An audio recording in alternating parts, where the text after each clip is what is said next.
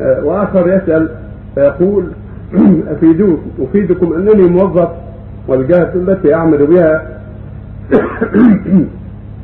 توافق على انتداب أفراد بمدد مختلفة دون أن يذهب الفرد المنتدب لأداء أي مهمة.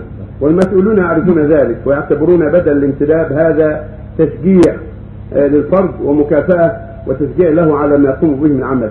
والسؤال وهل هذا المبلغ الذي آخذه عن بدل الانتداب هذا حلال أم حرام؟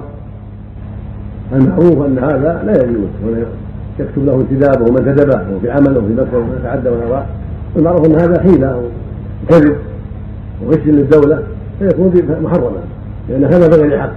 أما إذا كانت الدولة قد بلغ هذا وأذنت للمسؤولين بأن يعملوا هذا لموظفيهم وأن هذا عن شيء اتفقت عليه الدولة مع المديرين أو مع الوزراء فلا بأس بهذا لأن الدولة نراها مصلحة.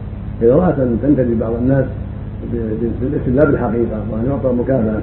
كالمنتدب تشجيعا له عمل على عمله؟ كما يعطى المنتدب ما يعطى لأجل اعانته على عمله ولأجل مقابلة تعبه في واقع لاهله ونحو ذلك. اذا رات الدولة ذلك لأن لأجل تطيب نفوس المقيمين ونشاطهم في العمل وتشجيعهم في العمل هذا شيء إليها.